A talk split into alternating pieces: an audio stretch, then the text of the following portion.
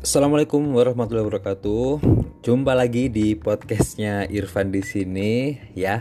Uh, kurang lebih ada sekitar satu bulan lebih ya Irfan nggak bikin podcast. Nah, di, dikarenakan masih banyak kegiatan kantor yang harus dilakukan jadi bikin laporan seperti biasa yang masih lembur-lembur kemudian kegiatan sebagai kepala rumah tangga juga yang nggak kalah sibuknya jadi masih banyak hal yang harus dilakukan. Ya dan baru hari ini hari aja hari ini aja sih Irfan sempet bikin podcastnya. Dan kebetulan hari ini tuh ada pembahasan yang sangat menarik sangat menarik untuk menambah wawasan kalian dan mungkin bisa sebagai referensi bagi kalian-kalian di luar sana untuk melakukan apa yang telah Irfan lakukan hari ini ya Uh, Irfan nggak pernah bosen-bosen untuk selalu mengingatkan kepada kalian semua di mana pun kalian berada bahwa kita ini harus tetap mematuhi protokol kesehatan yang telah diterapkan oleh pemerintah yaitu dengan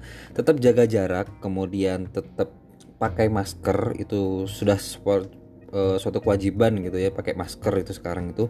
Tetap makan-makan bergizi minum vitamin dan olahraga yang cukup istirahat yang cukup. Dan kalau misalnya nggak perlu penting-penting banget untuk keluar jadi nggak usah kelayapan keluar. Nah Irfan melihat di Surabaya ini sudah kayak nggak terjadi apa-apa gitu udah biasa aja gitu. Jadi di mana-mana itu udah ramai banget tempat-tempat uh, hiburan kemudian mall-mall kemudian eh, tempat-tempat nongkrong itu juga sudah sangat ramai sekali sudah kayak nggak terjadi apa-apa gitu. Padahal kalau kita tahu sih bahwa COVID-19 ini penyebaran COVID-19 di, di Indonesia masih tergolong cukup tinggi walaupun uh, tingkat kesembuhan para pasien yang telah terjangkit COVID ini juga banyak, lumayan banyak, tapi pasien yang dinyatakan untuk positif COVID juga nggak kalah banyaknya gitu. Apalagi pasien-pasien yang dinyatakan COVID-19 positif kemudian dia ada komorbidnya penyakit penyerta kemudian dia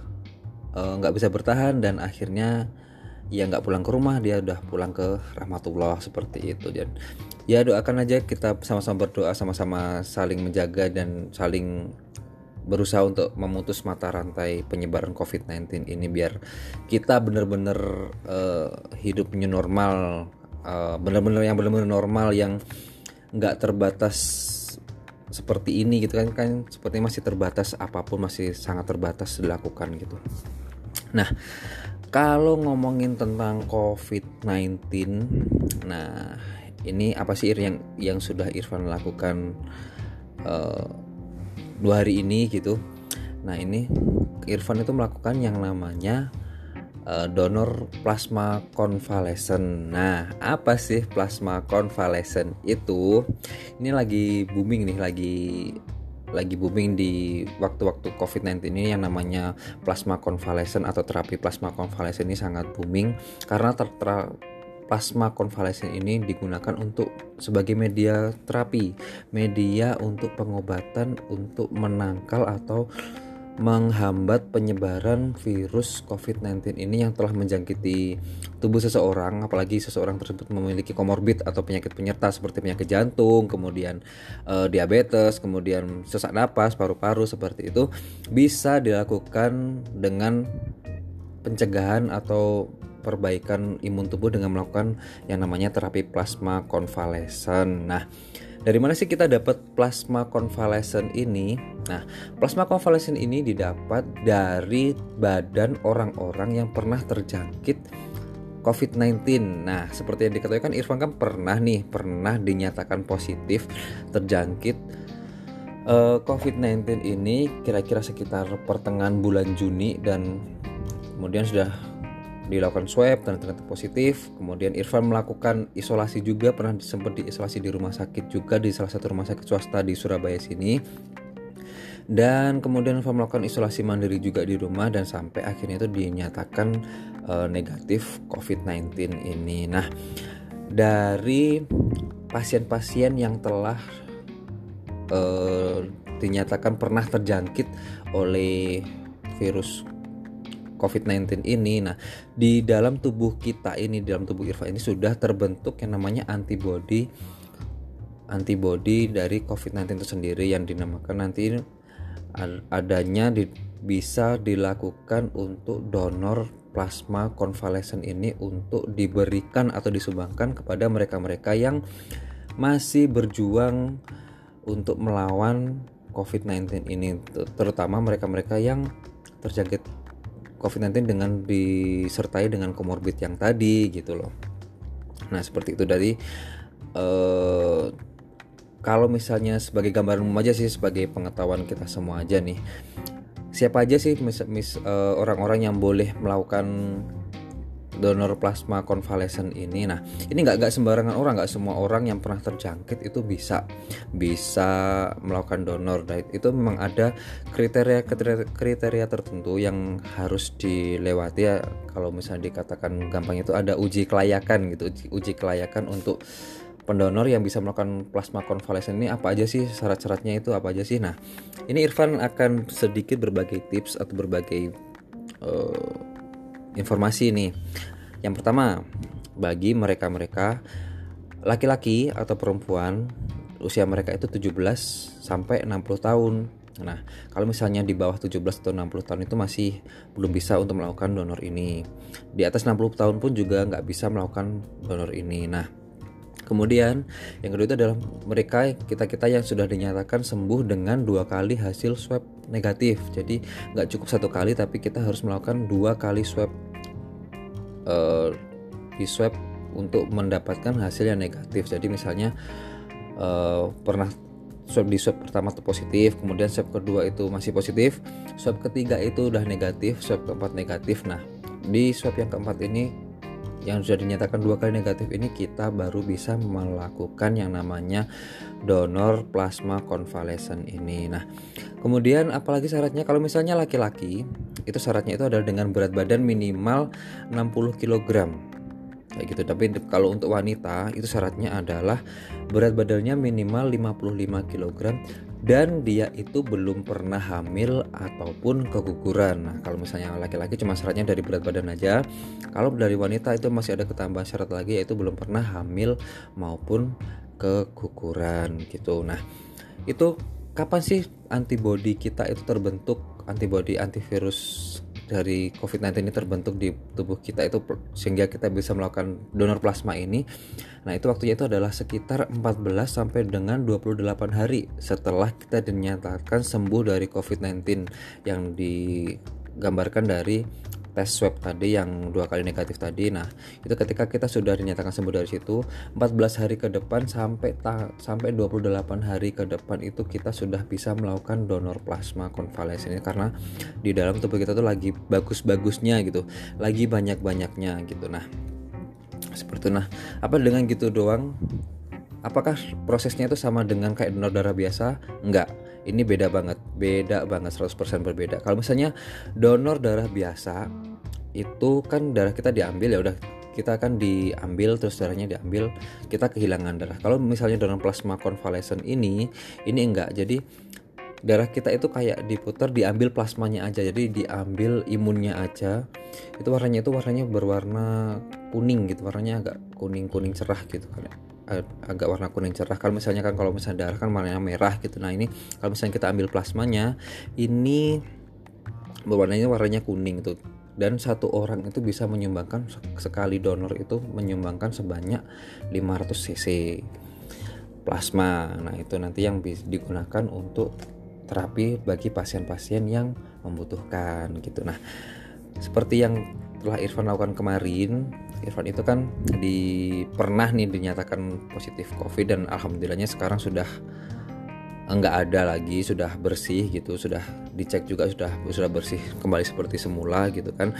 Nah kebetulan di kantornya Irfan ini ada salah satu uh, karyawan yang terjangkit virus COVID-19 ini dan dia itu juga ada komorbid ada penyakit penyertanya penyakit pembawa. Jadi itu akan memperparah memperparah kondisi uh, pasien itu sendiri dan salah satu cara yang dilakukan itu adalah dengan menggunakan terapi plasma ini. Nah kemarin itu Irfan itu sempat dihubungin itu dari pihak SDM bahwa kalau misalnya boleh Irfan kalau misalnya mau itu boleh uh, melakukan donor donor plasma ini. Nah Irfan kan sebenarnya kan takut ya takut dengan jarum suntik kan takut gitu kan.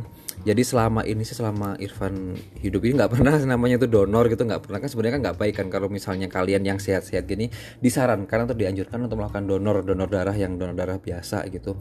Minimal dua bulan sekali itu. Jadi untuk pembersihan racun-racun yang ada di dalam tubuh kita juga gitu.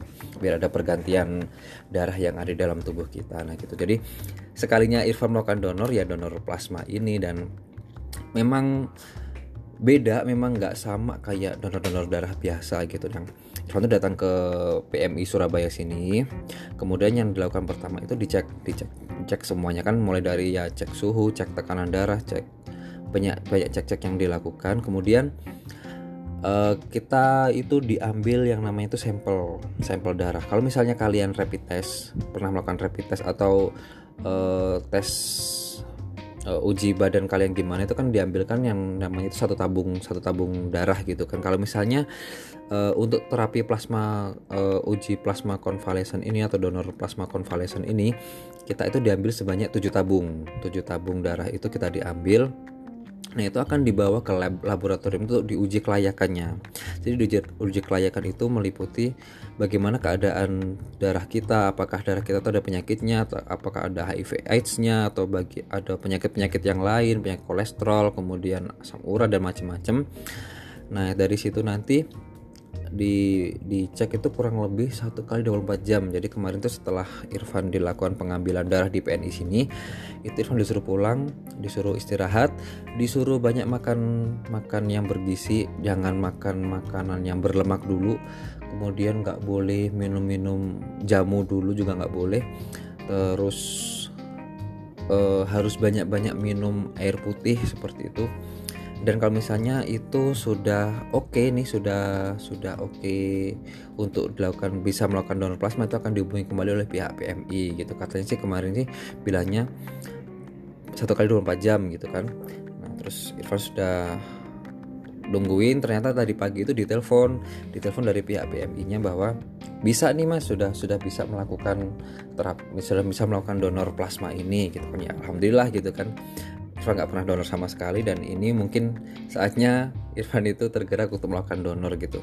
Nggak hanya donor untuk plasma konvalesen ini tapi nanti ke depannya juga akan melakukan donor-donor rutin seperti biasa biar badan kita juga tetap sehat. Nah dari pihak uh, rumah sakitnya uh, pihak PMI-nya pun itu juga disarankan bahwa sebelum melakukan donor ini itu banyak-banyakin sebelum pagi itu harus makan buah dulu, harus minum minum yang banyak dulu, terus makan-makan yang bergizi dulu.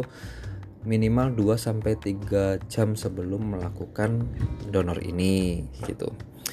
Nah, terus akhirnya sekitar jam 10 Irfan tuh datang nih, datang ke PMI lagi Nah, dari situ nanti dicek lagi, dicek lagi bagaimana keadaan hari ini, mulai dari tekanan darahnya gimana, terus tadi pagi itu udah makan apa aja, terakhir makan jam berapa itu dicek semua.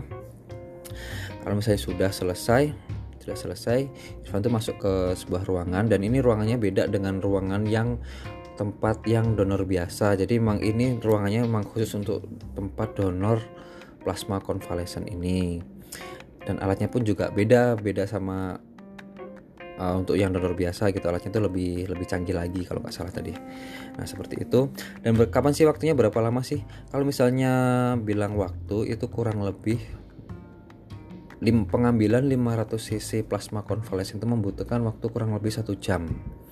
Satu jam. Jadi selama satu jam itu darah kita tuh diambil untuk di proses pengambilan plasma itu. Jadi yang disaring itu cuma plasmanya aja yang warna kuning tadi darahnya itu masuk kembali ke badan kita gitu selama kurang lebih satu jam kayak gitu.